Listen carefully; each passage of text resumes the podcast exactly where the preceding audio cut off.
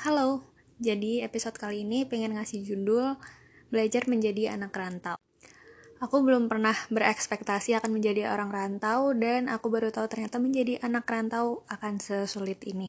Dibilang seru, yes, sangat-sangat seru. Dibilang banyak banget dapat pengalaman baru, ya.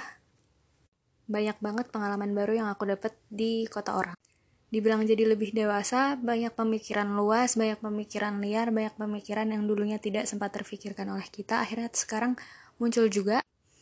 Yes, itu terjadi juga.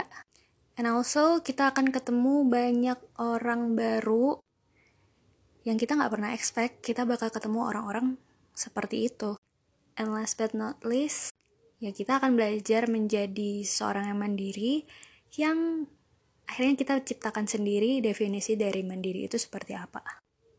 Oke, anggap aja aku udah hampir 7 bulan tinggal di kota orang, which is aku menjadi anak rantau, tapi baru satu bulan belakangan, satu dua bulan belakangan aku merasa um, literally jadi anak rantau di kota orang. Why? Because dulu masih terikat dengan saudara, masih banyak yang care, masih ya awal-awal rantau kita akan merasa ada sedikit perubahan, tapi tidak berubah secara 100%. Nah, mulai dari belakangan ini, aku baru ngerasa ini, gimana rasanya jadi anak rantau. Satu pelajaran yang aku dapat ketika aku rantau adalah hal yang biasanya benar, hal sesimpel apa pun yang biasanya kita lakukan secara tepat dan benar, tidak akan bisa aku lakukan di sini untuk yang pertama kalinya. Bukan semua ya, tapi banyak hal yang sesimpel itu tapi kita bisa salah. Tapi ketika rantau, justru aku bersyukur kenapa aku pernah melakukan kesalahan bahkan untuk hal sesimpel apa pun. Karena ketika kita melakukan kesalahan, di situ ada dua kesempatan yang tidak bisa kita dapatkan ketika kita sekedar melakukan dengan benar. Yang pertama, kita jadi tahu hal yang benar seperti apa. Dan yang kedua, kita jadi punya kesempatan untuk tahu ketika kita melakukan kesalahan, kita harus memperbaikinya seperti apa dan kita akhirnya tahu tuh kalau sesuatu yang kita lakukan itu tidak kita lakukan secara tepat. Which is itu membuatku berpikir bahwa ada benefit di balik uh, kita melakukan kesalahan gitu. Jadi tidak seluruh kesalahan itu mutlak salah dan mutlak tidak benar, tapi ketika kita bisa menilai sesuatu itu secara tepat, kita akhirnya bisa mendapatkan benefit dari segala apa pun yang telah terjadi meskipun itu buruk sekalipun. Yang kedua, lifestyle tinggal di kota orang, which is ketika kita rantau, kita akan bertemu dengan orang-orang yang memang itu mungkin domisili uh, daerah tersebut atau kita juga akan bertemu dengan orang-orang yang baru. Nah, menurutku di sini yang menarik. Aku berkesempatan untuk tinggal di kota heterogen yang banyak juga manusia-manusia rantau sepertiku, yang nasibnya juga sama sepertiku. Dan di situ aku mengetahui berbagai jenis orang dan menariknya adalah kita bisa mengambil uh, lifestyle yang di yang yang diterapkan seseorang untuk menjalani hidup di tempat orang lain atau bahkan di kotanya sendiri.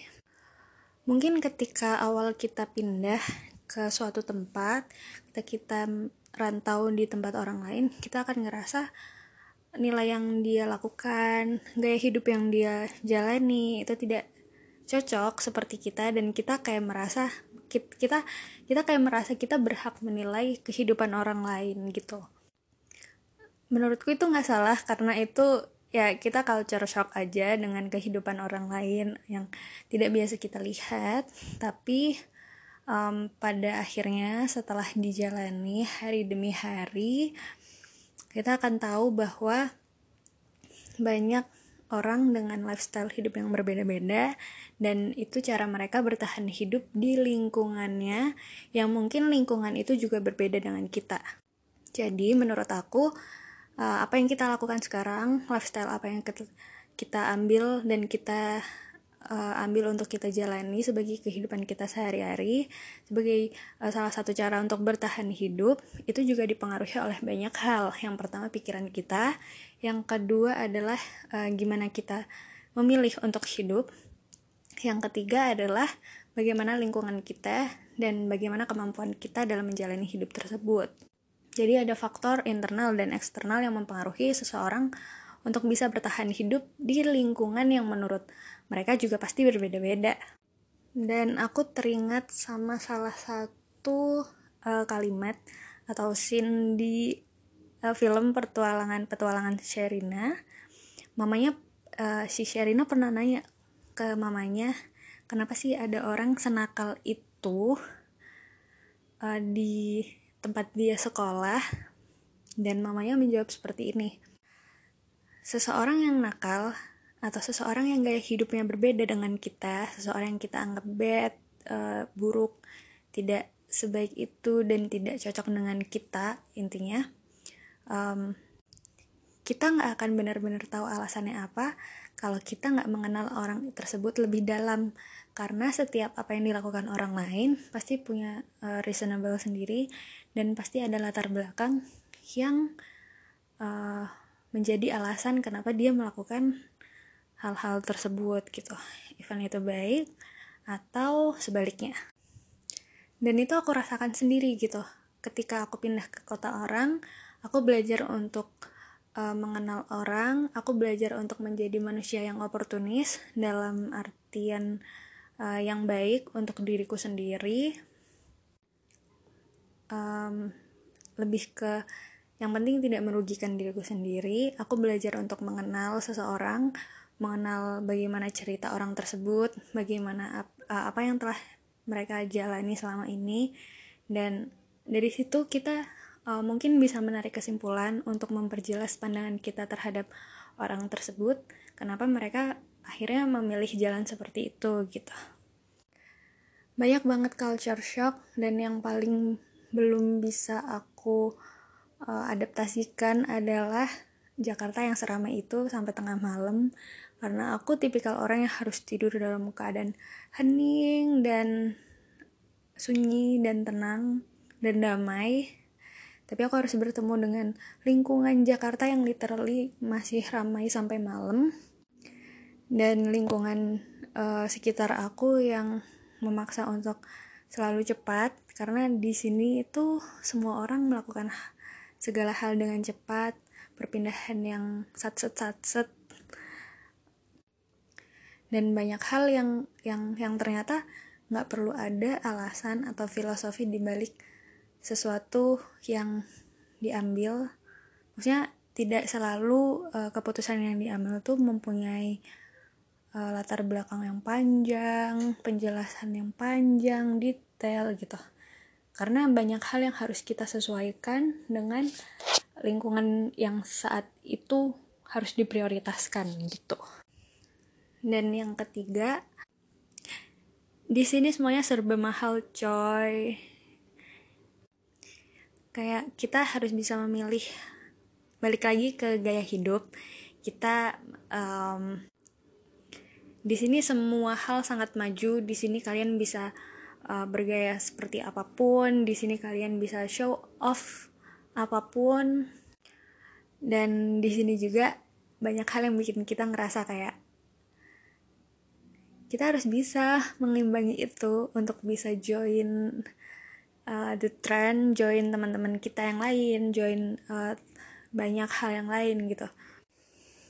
Nah dari situ juga aku nggak mau jadi orang yang terlalu munafik untuk um, tetap menjadi diriku sendiri tidak mengikuti tren dan lain sebagainya. Meskipun dulu mungkin di tempat aku aku melakukan itu. Tapi di sini aku harus menyesuaikan. Bukan untuk mendapatkan um, label ya bukan untuk di merasa uh, merasa diakui gitu.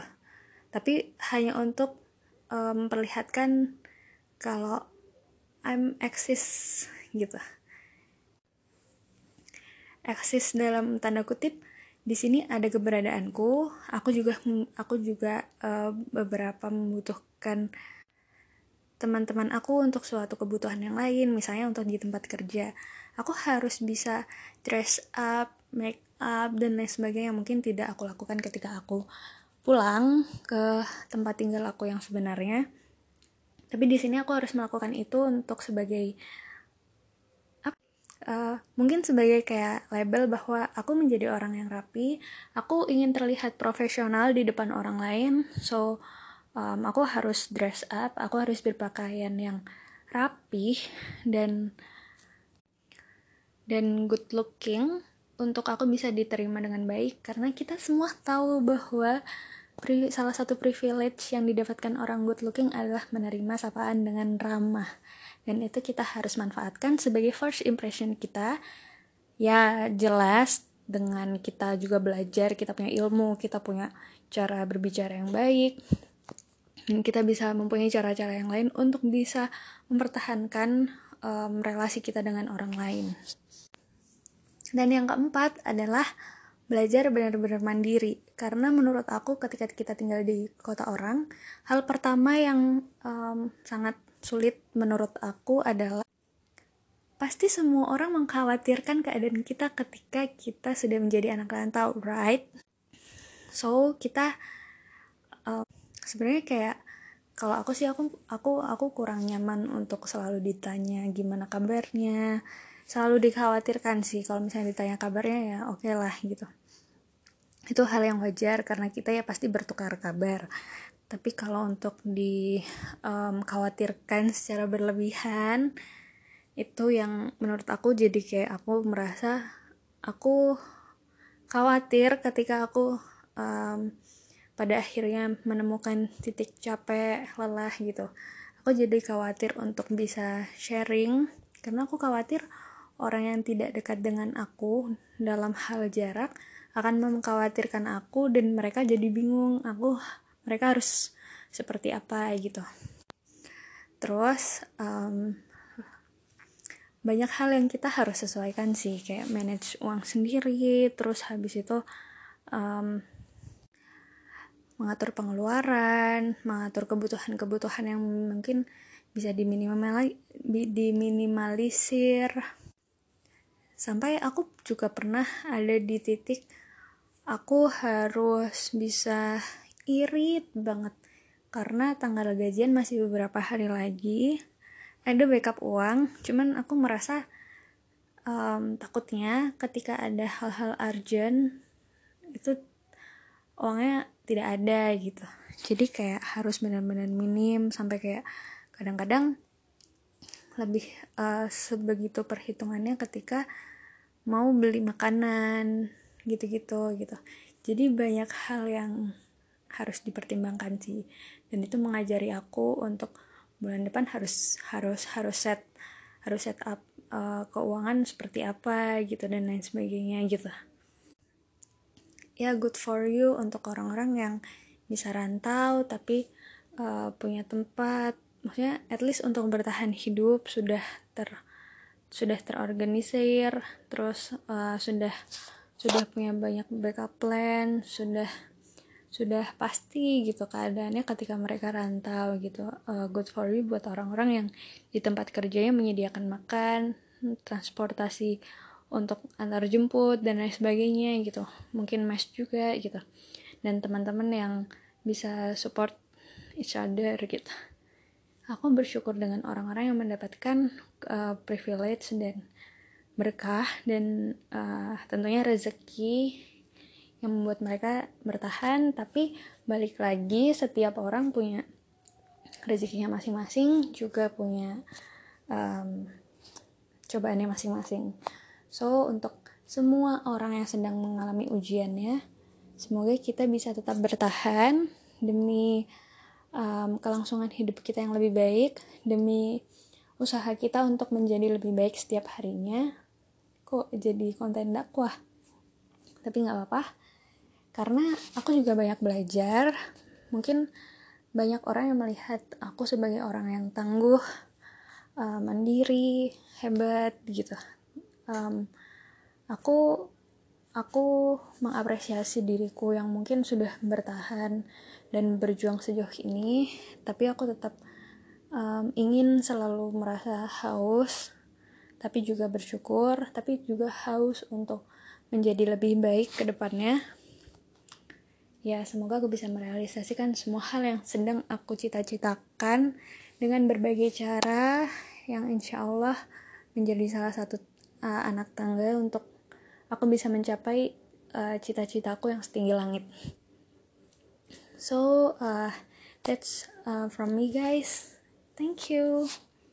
Bye